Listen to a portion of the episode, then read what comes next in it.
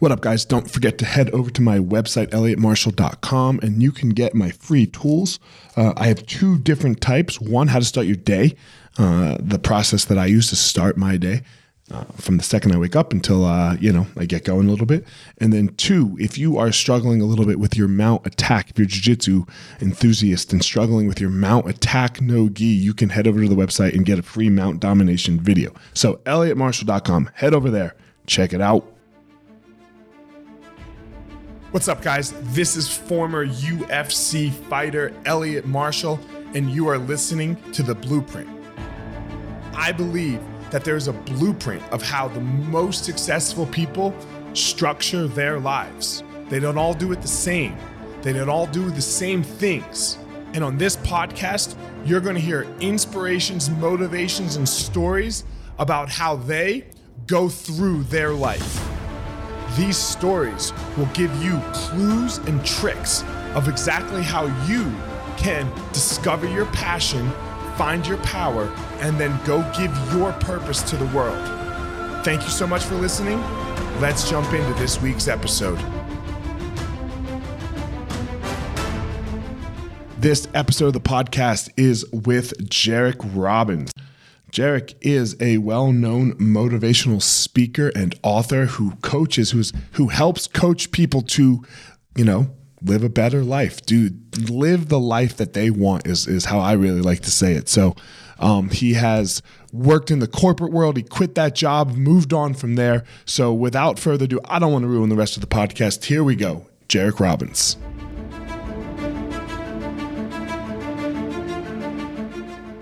Jairek, second time's a charm. How are you? I'm doing good. How are you? I'm doing well. We were just talking offline how we were uh, sitting in each other's uh, Zoom rooms the last time we tried to do this, and yeah. Uh, yeah, we missed each other, but we were able to to reschedule and make it happen. So thank you so much, homie. We, we were playing Zoom room tag or Zoom room hide and seek, do, Zoom room duck duck goose. We we were whatever you want to call it. It didn't work out. right? That's okay. It, it, was fun though. Man, I have such a. Uh, we were just talking offline, and you were saying that you live in Puerto Rico. I live in Colorado, and you were telling this really great story about how you ended up in Puerto Rico. Uh, yeah. Share it with the audience, and then I have some questions based on that. So, go ahead. Totally. So I was speaking at an event up in New Jersey. My wife and I got done. We went to the hotel. We looked outside the window, and the question we asked ourselves was, "Why? Why are we here?" And I was like, "I know for the event, but like the event's over. Why are we still here?" And and we were like, "Do you want to stay here the night, or do we just go somewhere?" And we're like, "Let's just go." And I was like, "Okay, well, I have a client in Kentucky, so maybe we'll fly and see him because we're we're close by ish." And so we, we landed up going to the airport. We got there. There was there was this crazy thunderstorm. All the flights were canceled except for two. And the two flights that weren't canceled were Naples, Italy, or Aguadilla, Puerto Rico. And we looked at each other and we had been wanting to go to Naples, see the see the the coastline there is supposed to be so pretty and romantic. Um, and then we also wanted to see the other side of the island of Puerto Rico. We'd been to San Juan and we were living in Miami Beach at the time. So it kind of just felt like a Miami suburb. It didn't really feel islandy. It didn't feel like, wow, we really moved to an island. It felt kind of like, oh, we're in a Miami suburb that happens to be on an island. Um, mm-hmm. So we were curious about this side of the island. And we we took the flight, landed at two in the morning, got a hotel, woke up exhausted because you know the time you know shift there on the plane and then we just rented an Airbnb right on the beach. And we promised each other we wouldn't just randomly buy a house. So we went to CrossFit, we were hanging out, and we met this guy named Harry, who happens to be a local, kind of local legend, local realtor. And he saw us a couple days in the open weights hours. And he said, Hey, um, what are you guys doing here? And we said, Oh, just looking at property, thinking about, and he's like, thinking about moving here. And we're like, Yeah, maybe. And he said, okay, here, I have a pocket listing. If you want to see it, I could take you. And so I said, okay, maybe tomorrow. So we went home, did some work, came back. The next day, we were getting into a truck, a pickup truck with this guy named Harry on an island we've never been to, thinking this could be the end of our lives. We don't know. Um, I made a decision just based on age, size, and stature. I'm like, I, I think I could take Harry if it came down to it. Uh, and, and, we got in this guy's truck. I have a story like this place. where I was scared. When I was scared too. But go ahead. Yeah. I mean, I, I thought it through. I was like, man, unless he has a gun or a sword or something, I think I could take him if, if it, you know, got crazy. And so we got in this guy's truck. We drove to a place we've never been. He went and showed us this little house, and we were like, no, that's not really what we're looking for. But we drove by this giant house on the way there, and we're like, wow, that one looks cool. I had seen it online. I was like, ah, it's probably too expensive to, for whatever. But we got in the car and we're like, you know what? Let's just go look at it. So we got in the car, drove back to the, the house we passed. I got out, walked around the property, was kind of staring in the fence. And this little lady just kicked the front door open and she came out. She's very feisty, very, you know, a little Puerto Rican lady. And she's like, What do you want? And I was like, Se vende is for sale? And she's like, Yeah, call the realtor. I was like, Do you really want to sell Okay. it? or, and she's like, Are you serious or are you just looking? And I was like, I'm serious. She's like, One minute, I'll be right back. She went into the house, slammed the door, came back out a few minutes later. She goes, My husband said it's okay. You could see it. And, and we started talking, and she looked at me. She's like, You, you're from here. I'm not, but I'm brown. She's like, You're from here. Right. And she's like, But where's she from? And my wife. And I was like, Oh, she's from Michigan. And she's like, Oh, okay. Okay, come on in. And this lady talked shit to me the entire time she showed me the house. She's like, Are you good at electric work? I was like, No. She's like, Men these days are worthless. Uh, she's like, Can you spackle? I was like, Sure. She's like, Here, show me. And she handed me this thing with spackle to fix the crack. And I did it. And she's like, No, you're doing it all wrong. You don't know what you're doing. And I was like, I don't know what kind of like method What kind of is. sale is this? Yeah, like I, I, I mean, geez, she's just talking shit the whole time and telling me how I'm incompetent on the things that she keeps bringing up. Um, fast forward, my wife liked kind of the structure, and she's like, "This is great bones of the house. You know, there's a lot of potential." Uh, so we bought it the next day, and we promised ourselves we wouldn't do that, but we were like, "What the hell? Why not? We kind of like it here." Now, the reason we were looking for a place in a place like this was my wife was pregnant with our son, and we were looking for a slow paced culture that ha- highly values family as a place to go be while she was pregnant. My personal philosophy is a woman's body is more or less 3D printing a human for nine months, which means the printer is turned on and functioning 24 hours a day during the entire Oh, entire my wife will love you. Oh, my And wife so- will love you. this concept of there's already so much natural stress happening. Why don't we mm-hmm. offset the stress by creating an environment that's nurturing and soul filling and soulful and caring and calm and and kind and, and warm to pregnant women? And so, you know, this had all those features, and we said, why don't we do it? And so we just bought the house, moved in a few months later, um, and then the whole world shut down which was quite random and unexpected. So we landed up on our beach house here in Puerto Rico, where we have, you probably hear a rooster crow at some point during this talk, but we've got roosters and cows and goats and chickens and horses as our neighbors up and down the street. Um, and we were kind of out here in the middle of nowhere while my wife was pregnant with our son. We moved in November 2019, and then the whole world shut down for 2020 and we Right. happened to somehow mistakenly land up here in paradise. That's not a bad place to end up. It was a great place to be. Yeah. Man, uh, first of all, my wife will love you with your 24 7 comment because she, uh, when, when she was pregnant both times, she would look at me and go, I'm working 24 7. And I'm like, you are, you know, it was her, it was her favorite line to, to say. So, um, man, so I guess my next question, Jairek, is not many people can just buy a house on a whim, right? How have you created this life for yourself to be able to to uh, be in Puerto Rico? Yeah. I'm sorry, be in sorry, be in New Jersey, take a flight because fuck it, you don't want to stay in Jersey. And uh, the second I could get out of Jersey, I totally understand. I did. Um, I rarely go back, only if I have to. So, and then you go and you buy a house. I don't know what, what was it, five days later, whenever whenever that was, after you talked to the CrossFit guy at CrossFit. Like three.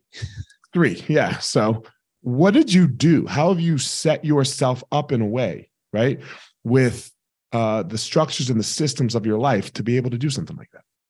Sure. Um, so a couple of things. I wrote a book about this part. It was in, in my, tw- I'm 38 now. It was in my 20s okay. when I, I, wrote the book was kind of a, a recap of my 20s. And I worked for my Blockbuster, my first job. I was security when I was 14. Um, I had uh, a friend of ours took us to dinner with Sergey Brin and his family and the the Google guy, and it was really mm-hmm. sweet. I feel like we kind of crashed a family dinner by accident. Um, it was like him, his brother, his mom, his dad, his girl, the the woman he was with at the time, her family, and then like us. I was like, I feel out of place. I don't. It was like a Sunday evening. I'm like, I don't feel like we were supposed to be invited to this specific dinner. Like, it's nice okay. to meet him, but I don't want to bug him and his family. Um, but they were super friendly. We had a great conversation, and one of the questions was, you know, what was your first job?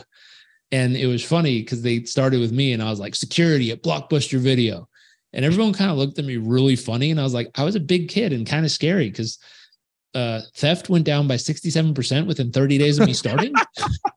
like it worked. Uh, I just walked up and down the aisles on Friday and Saturday nights and mm. kept people from stealing the DVDs and video games.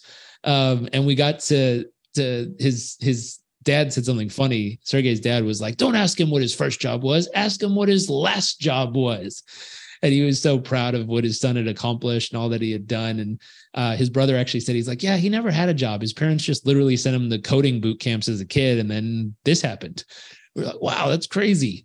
Um, and so th- this this concept in my 20s was obviously blockbuster video i worked for my family's nonprofit for a little bit then i worked for the for profit for a while and then at one point i decided to just go out on my own and i remember at that time I was living in the front den of a house. I just got done for a two year city to city corporate sales job.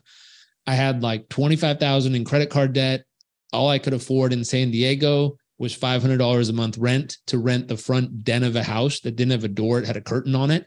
Uh, and I had my office, my bedroom, and my whole life in that front den uh, that I, I built my life on. And I've said $500 a month, but $500 a month in Midwest or other parts of the country is a lot. In San Diego, it's very inexpensive. Like a day. It's, yeah, it's it's the least expensive place you can get in San Diego usually at that price point.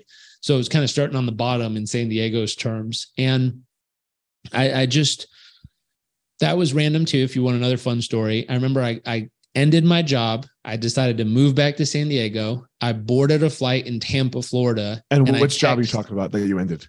Corporate sales job. So I was I was a corporate salesperson for two years on the road, and so I had ended okay. that job. I decided to move back to San Diego. I was boarding the plane, and when I got in my seat, I text four friends, "Hey, does anyone have a place for rent?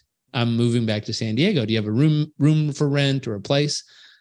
And I text four friends. Plane took off. When the plane landed, one friend texted me back and said, "Hey, we have a room at the house we're staying at coming like coming open." And I texted her when we landed and said, Hey, that's awesome. Like, can I come see it? She texted me back, Sure, when? And I, it was 11 at night on a Thursday. And I said, My plane just landed. I'll be right there. Just send me the address. she, she wrote me back, That's weird, question mark. and I, I mean, like, it is weird. I agree with her. I was like, I'll so, get a rental yeah. car, just drive up the hill. It's literally, she was in Hillcrest. And so I got a car, drove up, you know, at 11 at night, slightly tapped on the door and she was in her PJs, opened the door and she's like, Hey. And I was like, Hey, how you doing? She's like, Good. Have you been? She's like, Yeah, come on in. I'll show you. And she's like, So that room and the door was closed. She's like, That room, you know, the, the girl's just finishing school and she's, you know, she's graduating and then moving out this weekend. So you can have that room. Or she's like, The front den's open if you needed something sooner. Now that's the whole how much? She's like, Right. 500 bucks and you can have the front den. Uh, and I was like, Okay. And then the funny part was she's like, Well, when do you want to move in? And I literally said, I'll go get my bags. Like I walked out to the car, grabbed my outside and dragged him into the house. I, I, think there's a pattern in my life of just making these moves. Um, and then there was a mattress leaning up against the fireplace of someone moving out. And I was like, Is anyone using that for the night? And she's like, No, no, you can use it. So I dragged it across the house, put it in the den. I didn't have any blankets or pillows. It was all boxed up and being shipped from Tampa. So I literally just took my suitcase and emptied it on top of the bed, cl- stuffed a bunch of clothes into a, a sweatshirt to make a pillow, and then literally used the rest of the clothes on top of me as a blanket. And I'll never forget one of the roommates in the morning woke up, got ready for work. She was a researcher at Children's Hospital. And I heard high heels coming down the hallway, like click, click, click, click, click, click, click. Heard the front door open. Then I heard click, click, click as she moved backwards. She looked, I was asleep. I was like half awake, half asleep. Right, and right. the words I heard were, Who's the homeless guy in the den? Wow, word. Man, Which was what correct. made I- you I mean, I was a That's right. guy sleeping under a pile of clothes on a on a un uh, furnished mattress. So that was correct. Homeless guy in the den was. I mean was you the rented, move. right? Yeah, I, I paid for it. very- Um, what made you make this shift, right? Because I think a lot of people get scared of shifts, right? A lot of people uh they like to stay rather comfortable, for example, you know, and whether that is in a good spot or a bad spot, it doesn't matter. It's still comfort, right? It, it's what we know. Um Yeah. you're in this corporate sales job, you moved to San Diego. What was what was the reasoning behind all of it? Um, so I had sat down and I drafted this one page document that was, I called it my deal day, where I sat down and I said, if I could have it all my way, so start the top of the document, if I could have it all my way, put dot, dot, dot. And then I said, what would a day in my life look like? What would it feel like? Where would I be? Who would I be with? How much energy would I feel? Where would I wake up? What time would I wake up? What are the things that would be around me, either views or natures or feelings or sounds? Um, what would I have for breakfast? You know, what would I do the first few hours of my morning? What would I what would I then engage with, you know, throughout those morning hours? What would I do for lunch? Who would I have lunch with? Where would we go? How much laughter, joy, fun would kind of fill the conversation around lunch? After lunch, what, you know, what would I plug into and put my passion, purpose, and and mission in life? What would I want to create or be part of or develop or design or you know bring to life? Um, evening hours, what would I do for dinner? Who would I have dinner with? Where would we go? How would it feel? After dinner, when we come home, would we snuggle up and read a book? Would we watch a movie? Would we relax? Would you know? What are all the bits and pieces? And so I had this sheet that I had drafted this perfect day in in how I dreamed of living my life. And then I looked at the life I was living and it was nowhere close.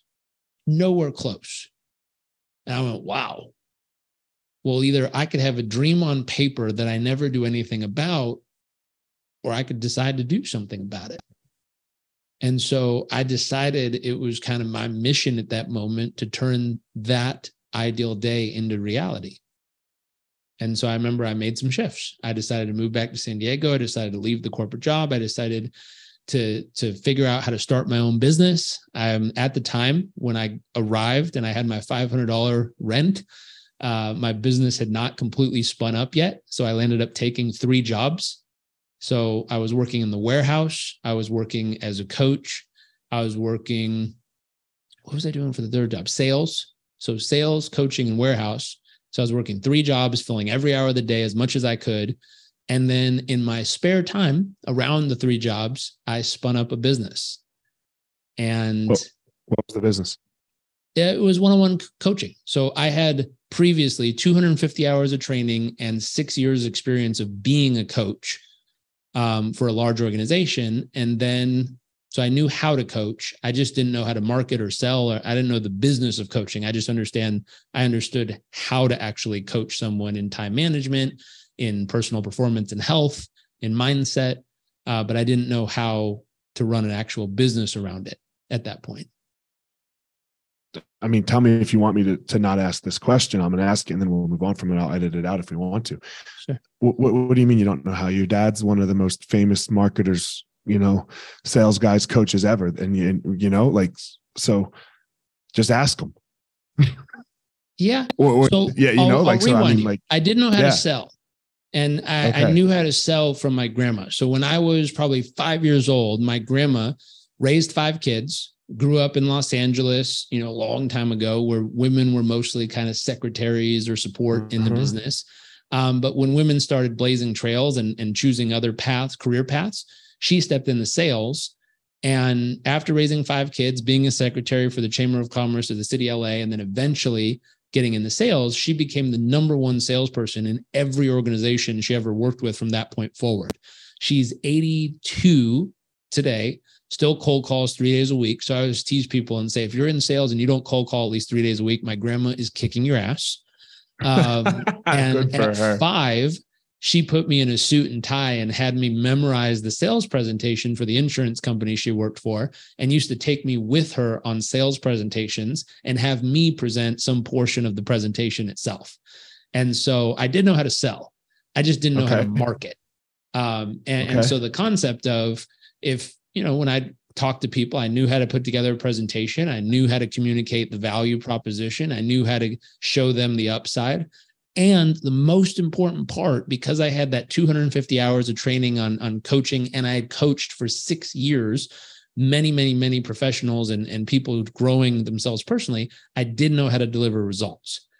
And so the combination of I knew how to sell it and I knew how to deliver it, I didn't know how to really market it. And so what landed up causing that initial business to really grow was partnership. And what, there was a lady in Los Angeles. It was in 2000, maybe 2007 or 2008, maybe 2009, right in that range. Mm-hmm. So the mm-hmm. world was kind of crazy. Real estate was crumbling. Yeah. Um, and I, I was speaking at an event in LA, and this other lady was a speaker. And after the event, she came up and she said, Hey, we should do something together. Okay, what are you thinking? And she's like, Well, I teach small business owners who are kind of brick and mortar. So flower shops, bakeries, like normal businesses in LA County, how to get online. I was like, that sounds cool. And she's like, but most of them learn it but don't live it. They don't follow through. They don't really apply the tools. I know the tools works because the ones who apply it get these amazing results. But most of them don't apply it. She's like, you are really good at getting people to follow through and actually do the things they know. She's like, if we could pair up, could I teach them what to do and you hold them accountable to do it? Like, that's a great idea. And so her and I partnered. We we did some events and I remember before working with her, if I signed up one or two clients a month, I feel like I killed it. I mean, my first month, I put up my business. I tweeted every day. That was my marketing approach. I'd tweet quotes. That's all I did. Um, and from tweeting at some point, I built a one page website that was horrible. If you want to see something funny, go to jairekrobbins.com, type it into the Wayback Machine, go all the way back to 2008 or 2009. You can see what my website looked like it was horrible. I did it myself. Um, so the good news is it doesn't take a great website to have a great business, but it was rough. So I, I did that, tweeted a bunch, and my very first client was actually from a law firm in London. A gentleman reached out and said, Hey, I saw some of the stuff you were talking about on time management. That's something I'm personally working on. Could I hire you as my coach to assist in bettering my time management? I said, Absolutely. He signed up, we worked together, everything got better. He then referred me to a handful of clients of people working on stuff mm-hmm. like that. They all signed up. That worked. They referred me to more clients. And so I'd get like two to three clients a month, which was a big deal back then. Um, I did one event with this new business partner, and I remember we signed up 30 clients in one day. I walked out of that room in Los Angeles. I went and sat in my car and I turned on the music and I had the biggest smile on my face. And the thought was, oh my God, this is going to work. Like, this is really going to work. I just signed up 30 clients in one day. Are you kidding me? This is insane. I made more money in a day than I'd ever made in like months. Like, that right, was right. crazy. And so that partnership kicked off. I made six figures in eight months as a new coaching business where I was the one doing all the coaching. I ramped that business over the next few months up to 52 one on one coaching clients. I was 24 years old. I'd made more money in eight months than I'd made ever in a single year. I felt like I was on top of the world, to be honest, at that moment. And I remember there were certain disciplines, certain theories, certain principles I had learned some of which were like set aside three and then six and then 12 months of cash reserves so that if anything gets rough, you always have a buffer between when you actually run out of cash and trying to fix whatever's gone off track in your life or business. And so I did. I just started saving like crazy and I saved and saved and saved. And I waited till I had six months, I think at that time, three months of savings. Then I finally upgraded my living situation and moved from, you know, my roommate situation down to my own apartment on the beach in Mission Beach, which was a big move for a young guy. Um, you know, to have a beach house was cool. And and then my life started to develop from there. And there was lots of ups and downs, but my main focus was could I turn that vision I had into my actual daily life? The neat How part was it took now? about 18 months to do so. So 18 months later, I remember I woke up. I had just done a speech in London, went to a park with a friend. We had some strawberries in the park hanging out, jumped on a flight, flew home, woke up the next morning. And the next morning, moment by moment, without realizing it, was every single thing I had written on that paper how I felt, what I did, the walk on the beach, the gratitude, the visualization, the meditation, the project I was working on, spending my time helping others live a better life. Every single piece of it was what I had dreamed on that paper 18 months prior, which was very cool. That's awesome. That's what we want, right? You want to write down your dream and then actually make it happen. the neat part and the interesting part was then setting up a new challenge. If I could turn one day into reality, what about the next 10 years? Could I do the same process and say, what do I want my life to look like in 10 years? And could I map out every major thing I wanted to make happen? I call it the majors of life. Learned that from Jim Rohn uh, a long time ago, but the majors of life. So health, emotions, family, relationships, being a great, at this point in my life, dad, husband, um, community wise, what difference will we make, business wise, financially, all these bits and pieces. The most important category is that if anyone falls apart, everything falls apart. And so I mapped out the majors for the next 10 years of my life and made it all happen. I, I checked off over every single thing that was on my bucket list before I had met my wife. I, I made a bucket, a single man's bucket list, everything I want to do before I decide there's nothing else in life I want to do by myself. And so that next 10 years was me accomplishing everything I could dream of using that checklist. Um, and I captured it all in that book and kind of gave people a blueprint of, hey, here's what worked for me. I don't know if it'll work for you, but it certainly worked for me. Man, the it's so neat part was once I checked all that off, I hit a moment where I said, you know what? There's nothing else I want to do as a single guy. Everything else I want to experience or do or create in life requires sharing it with somebody. so interesting. Uh, so I can remember during the pandemic, I, I did the exact same thing. I made a 10 year list and I said, what do I want my life to look like in a decade? And now it's just work every day towards it, right? Like you just like, you know, and, and then I think when I get to the 10 year mark, I'll, I'll probably do it again, you know, and I Well, reassess. some- do, do you reassess every year? might- I get, Something might Right. happen at the 10 year mark. And just to give you some foresight, um, our first mountain in life is what we can get from life. All the things we want, we want to experience, we want to have, we want to do. It's all the things we want, meaning we're climbing that mountain believing there's something worth climbing this mountain for. And there's a quote that says, if you want to go fast, go alone. And if you want to go far, go together. right. And so most of us want to go fast. Therefore, we go alone for this first mountain. And the first mountain is the belief that when I get there, that is going to be amazing. That's the thing I want to experience. And that mountain, each one of those micro accomplishments is a peak of a mountain. And so it's peaking and peaking and peaking and peaking. And at some point along that first mountain journey, either something just smashes us off the first mountain the death of a loved one, a near death experience, a deep life epiphany, something that wakes our soul up, or we get to the peak of the most recent accomplishment and have this weird void of a feeling in our chest and, and gut where we feel like, is this all there is? Is this it? It doesn't feel different than the last 25 things I've accomplished. And when I started to realize there's only three things at the top of any mountain feeling of accomplishment for some period of time, a great view, and thin air. That's it. Like you could think of any mountain on earth When you get to the peak, you feel accomplished for some period of time, not forever, but some period of time. There's a great view. It's beautiful. And then there's thin air. And then I guess fourth, a walk back down. That's what exists at the peak of every mountain. And so at some point, the thought of, is this all there is? We usually then go into this thing called the valley of despair, where we kind of question who am I? What am I doing this for? Is there something more to life? What's the purpose to all this? And at some point, some of us, not all of us, some people never grow past themselves. Their whole life is all about them.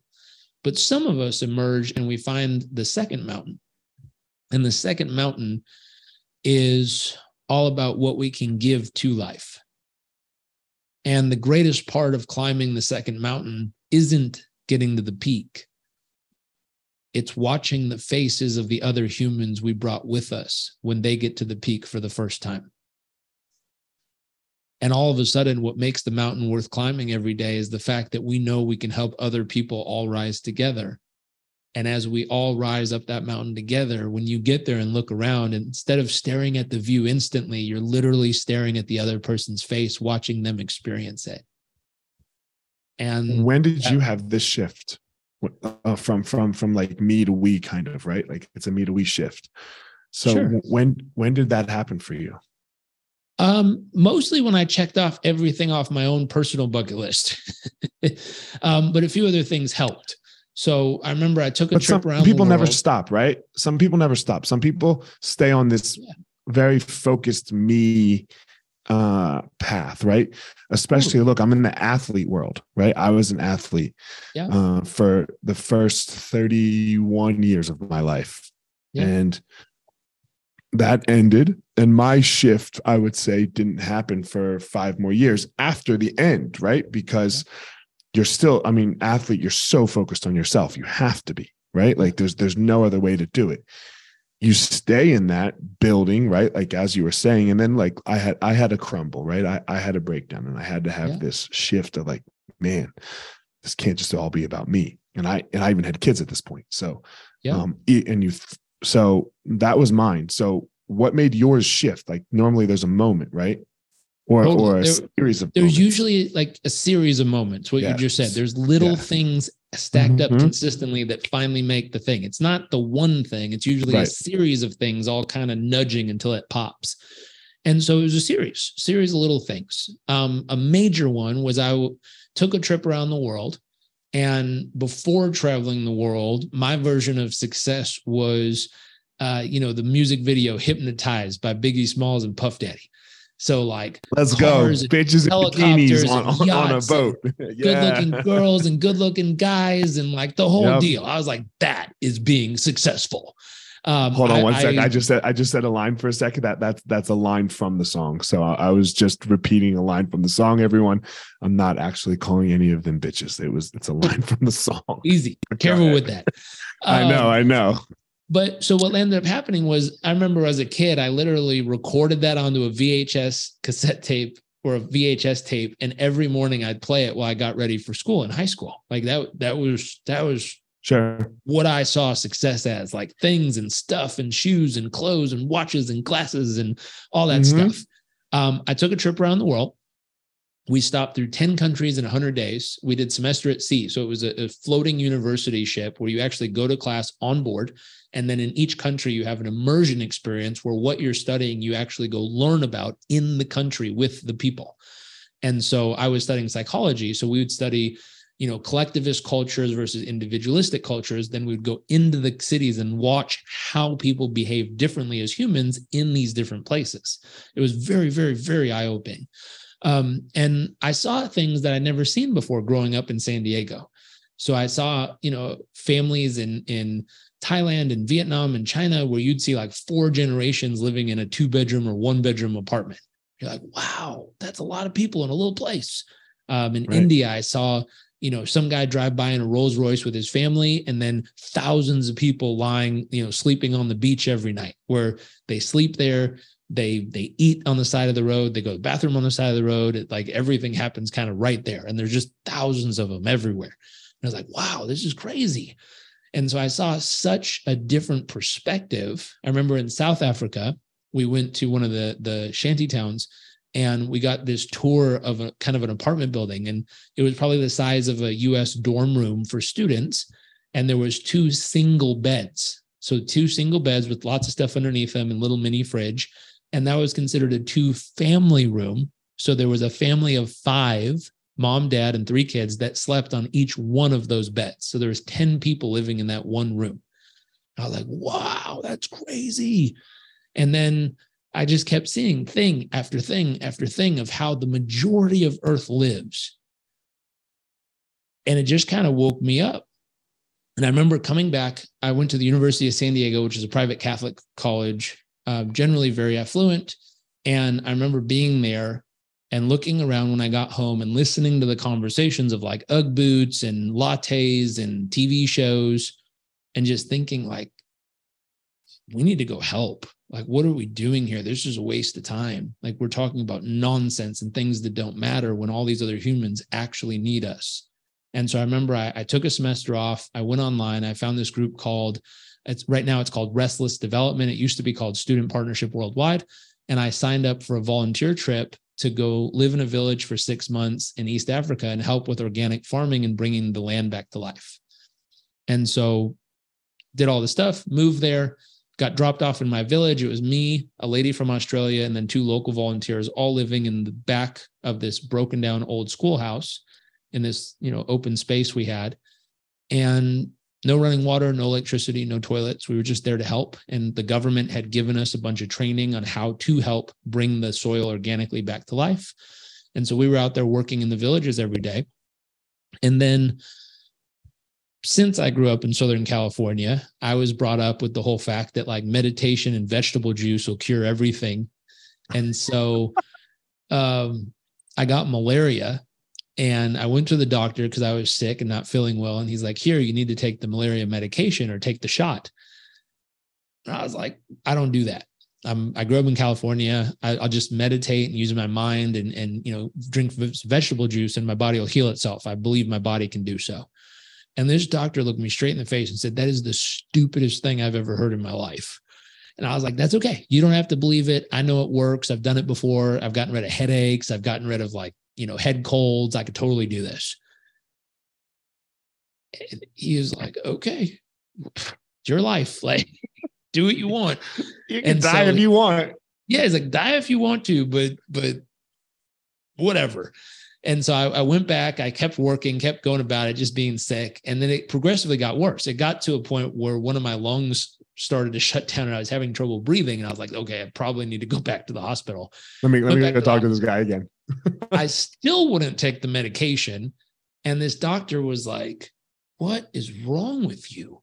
So he literally took my blood and put it on a microscope and showed me. He's like, I just had the machine do the thing you have 55,000 parasites per one red blood cell. Every eight to 10 hours, they're going to hatch, explode out of the cell and kill the cell, and then go lay eggs in all the other cells and double. And he's like, if you do math on how many cells you have and you have 86,000 little parasites per cell, he did math and he's like, basically, you've got about six days.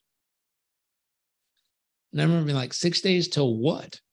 And he's like, six days till your body will not be able to sustain itself. I was like, and? He's like, and you die. I was like, oh shit. that, that, wow, die. And the rebel in me was like, I'll see you on day seven, just to prove a point. But then the other part of me was like, okay, I should probably take this really seriously. If a doctor tells you you got six days left to live, it's usually not a good thing. And based on how I actually felt, like I was having trouble breathing, I was wheezing, my body was tired and exhausted. Downhill. Yeah, I was rolling down a hill in a bad way. And so I, I went, I, when I got there, I think I was like 220 pounds. And over the next few weeks, I went all the way down to like 180. Like I couldn't keep anything in. My body was just deteriorating quickly. I was in a mess. And so eventually, I remember I called my dad and my dad always had great advice growing up. And I called him, I'm like, what do I do? And he says, you know, whatever your mind believes, do that and do that now. And that was the first time in my life I held the phone. I'm like, that shit didn't help. So I called my mom and I told her what was going on. And she said, You take the damn medicine. She goes, I didn't raise you for eight, you know, 18 something years for you to die in some random ass country. She goes, Gosh darn it, I'm on my way. And hung up the phone. And I was like, Oh shit. um, so I took the medicine, had the worst 11 days of my life, like vertigo, nauseous, constantly falling over. Like it was bad. Mostly by choice. I got there by, you know, continuing yep. making silly choices. At looking back, I would if if I got malaria now, I would 1000% take the medication on day 1. like it wasn't worth that the experience. Um, but that experience was one of those eye-opening experiences where I came home and when I was lying in that hospital bed in Uganda, thinking about my life, if I only had six days left to live, that was one of the spark moments where I said, if I only had six days left to live, how would I actually want to live my life? What would each day need to look like that if I were to die on day six, I know that I lived fully, loved deeply, and lived in a way that mattered beyond myself. So that was one of those major sparks to wanting to bring that ideal day to life. Jairek, I got three more questions for you as we wrap. One of my biggest, uh, I don't know if it's just my biggest belief. I, I think that many people have a very difficult time getting away from their past, like their history and their life experience. Sure. Whether that be good or bad you know and you you know you just mentioned your dad. Your dad obviously is tony robbins one of the most successful people in the history of the world in america anyway recently. Mm. how did you you know well he's good right? We'll, we'll just say he's good you know? He's doing okay. how about that? He's doing okay. You obviously have paved your own path. Yeah. Right? What how did you do that? How did you get away from your past? Because like look a lot of kids who have the child the the childhood that you had. They they just stay in southern california homie and they drink the lattes and they do the uggs thing you know? And then there's a lot of other kids who stay on the south side of, of chicago right? Because that's their past. How did you get away from yours and be like you know what man? I'm going to do my own thing. Sure. So i always ask people if you wanted to build a bicycle would the best way to do it and the most efficient way to do it be trial and error. Like go get some scrap metal, go get some rubber, go go get some screws and just be like, "Okay, I'm going to figure out a bike." For most humans, that would be the stupidest way to build a bicycle. Uh-huh. like we'll never get there. Yeah, you're like, "Why would I do it?" Like, why don't I go on YouTube, right. get the blueprints, order a kit and actually use a formula someone figured out and a machine that sized all the equipment properly so that the thing actually works once it's put together. Like I know there's some adventurous humans who want to blaze a trail and use trial and error to figure everything out on their own. Good for you. If that's you, have fun, figure it out. Um, but most of us look for a template, a blueprint, a strategy, a, a success system, something that someone else spent a lifetime figuring out that they can pay forward and say, hey, this is what works. Like I used it, it got me the result. I used it on myself. I've used it with other people. I've gotten the result myself, and I've helped other people get the same or better result in their life as well. That's a blueprint. That means it's a proven process that works at least at some point in history. You are killing it plugging my podcast right now. It's called the blueprint. So go ahead. There you go. and so this concept of I, I, I looked at that and I was like, okay, what blueprints exist around me? And there's two types of blueprints there's blueprints on what to do, stuff that works. And then there's blueprints on what not to do, shit that doesn't work.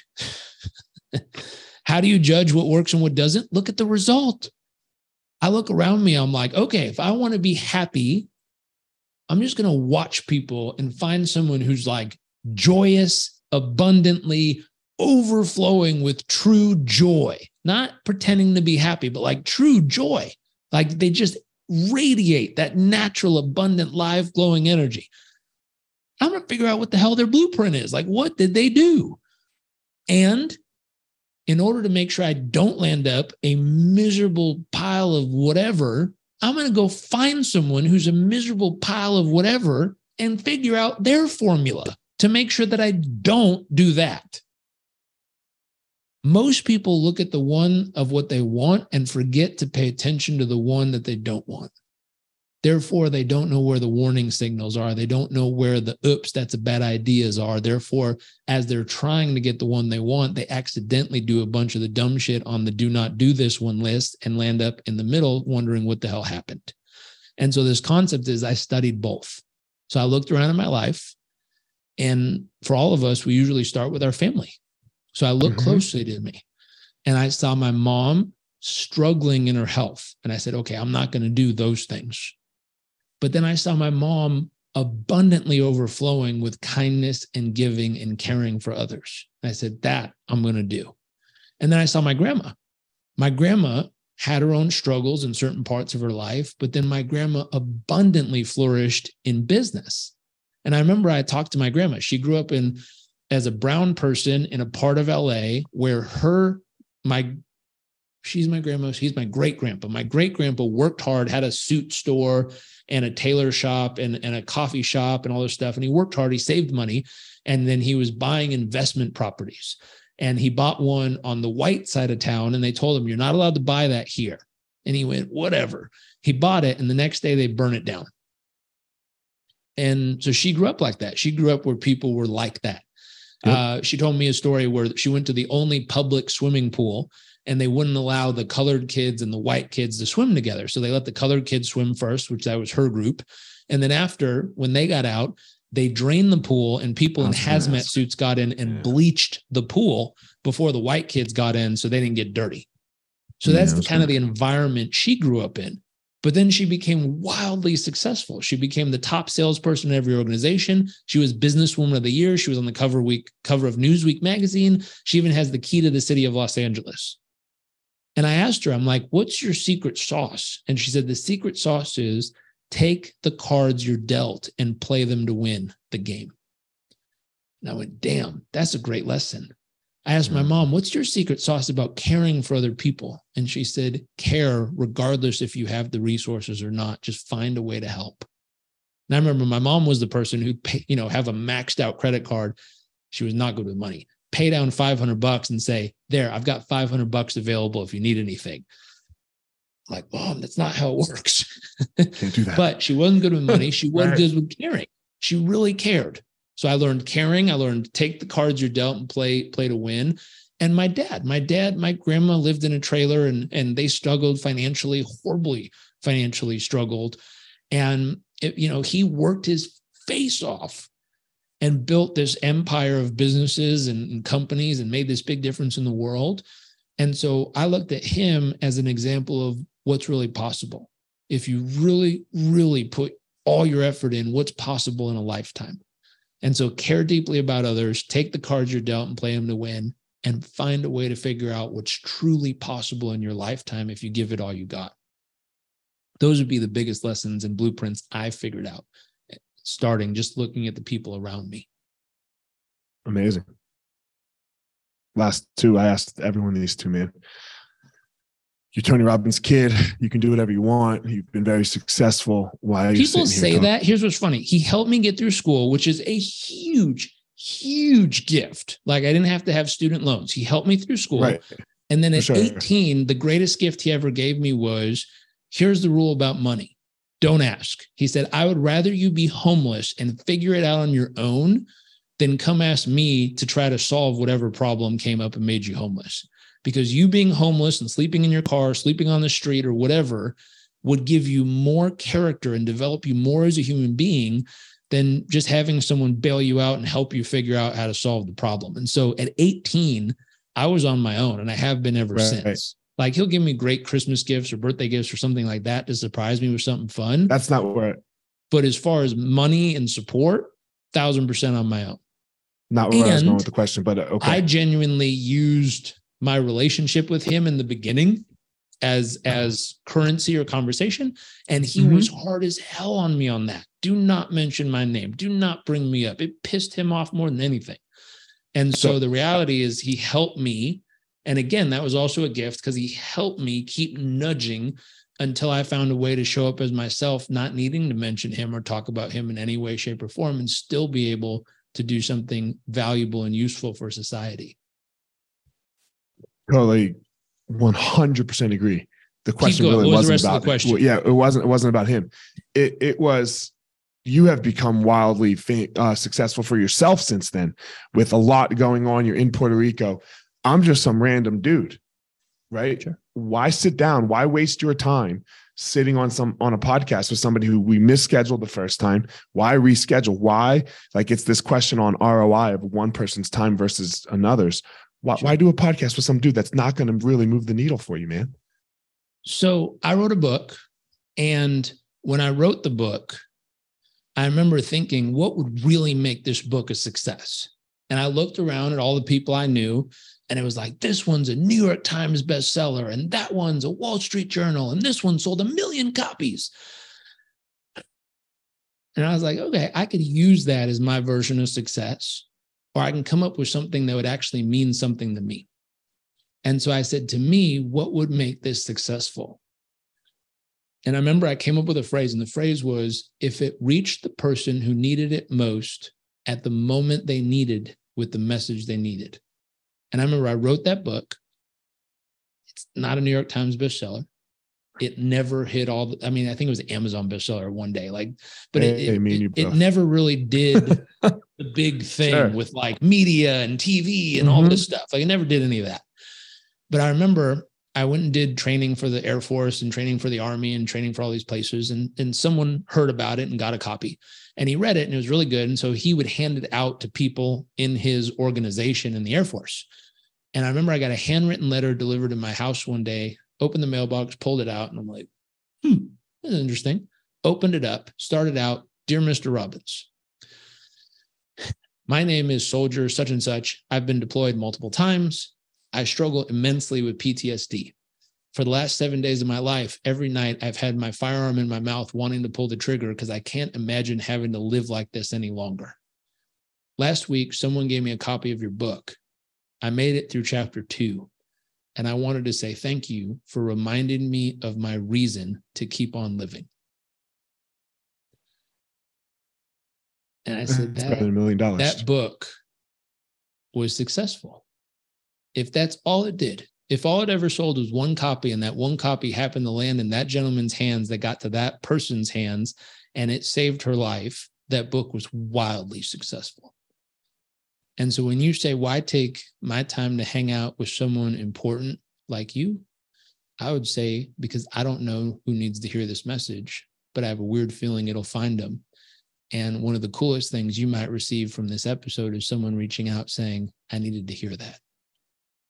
yeah, And we don't cool know why they needed to hear it. We just know that they did.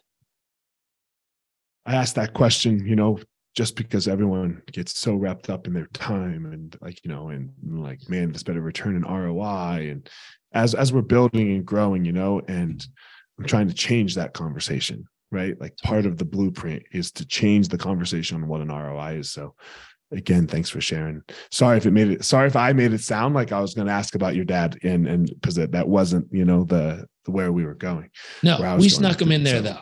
Yeah, yeah. He's Well, it's just because marketing. He lands up well, everywhere. he's- well he's sneaky but it's a question of like you know you have a you like that's a thing right you you could make a contact probably with a phone call and but I, and i'm not that guy you know like you could anybody can get on my podcast almost you know Here's like it's true. not you know There, So, there's this go ahead. thing my dad taught me about called an incantation. It's the story people tell themselves over and over again that makes them think something's not possible. I've heard your story a few times. yeah not true. Stop telling Sure. it to yourself. Pick a new story. Now, it doesn't have to be an egotistical story of I'm a big Sure. deal and who the fuck are they and all that. It could, it could be a humble story of, hey, I'm someone creating a platform to reach people who need it. And I love the opportunity to bring more people like you to this audience. And even if one person hears it and it absolutely saves or changes their life, it's usually well worth the time. Now, you'll run into a bunch of egos of people saying stuff Sure. you've probably heard of, like, oh, what's the ROI? And what's the audience size? Right. What kind of distribution do you have? right And say, hey, the distribution is the human being who needs the message you have to share. i 100% Depends on if with you want to reach them or not. I'm, I guess I, what I'll say is I'm trying to ask this question from what a typical, like, man, I do my thing. I do my thing every, I, I, I live very similarly to the the philosophy that you have of like this is my life, this is what I want it to look like. Uh, I'm really unconcerned, a hundred percent about anyone else's opinion. I really love Jalen Hurts. He just said it the other day. My purpose was made way before your opinion, right? You made an opinion based on some actions, but I already had a purpose. So I'm not even listening to that shit. But, you know, everyone's going to get on Rogan's podcast. Rogan calls, everyone's like, oh, please, you know? And so that that is the the the kind of ROI shift I'm trying to make. Um anyway, you'll get Jared, there. Yeah. Thanks so much for coming on the podcast. If anyone wants to work with you, find your stuff. Where where can they where where do they find all that? Uh, two places. You can go to jairekrobbins.com. You can go to success.com. I'm currently the president and chief strategy officer of Success, Success Magazine, success.com, yeah. Success Coaching. Uh, we're spinning up Success Adventures later this year. So we're going to have once in a lifetime retreats and adventures where we take people to check things off their bucket list uh, with other like minded entrepreneurs and business owners traveling together. And so nice. check out success.com, grab a copy of Success Magazine, uh, and, and jairekrobbins.com for all my personal stuff. Awesome. Guys, as always, Jairek Robbins, you know, uh, thanks for coming on, first of all. Second of all, Jairek has his personal thing, his his gift that he goes out and he gives to the world, his power. And I have my own thing that I go out and I give to the world, my own power. Don't go out in the world and try to be Jairek. Don't go out in the world and try to be me. Everybody, please go out there and find your own power. Thank you so much for listening to this week's episode. I hope you found something useful that you can take and implement into your life. Don't forget to head over to wherever you are listening to this podcast and leave a review. That would be greatly appreciated. Also, go follow me on social media at FireMarshal205 on Instagram leave a comment, anything that you would like there. And as always, if you think this would be useful for somebody else that you know for their life, send it their way. That would be greatly appreciated. That's it for this episode, guys. I hope you all have a great day and you go step into that power so that you can give your purpose to the world.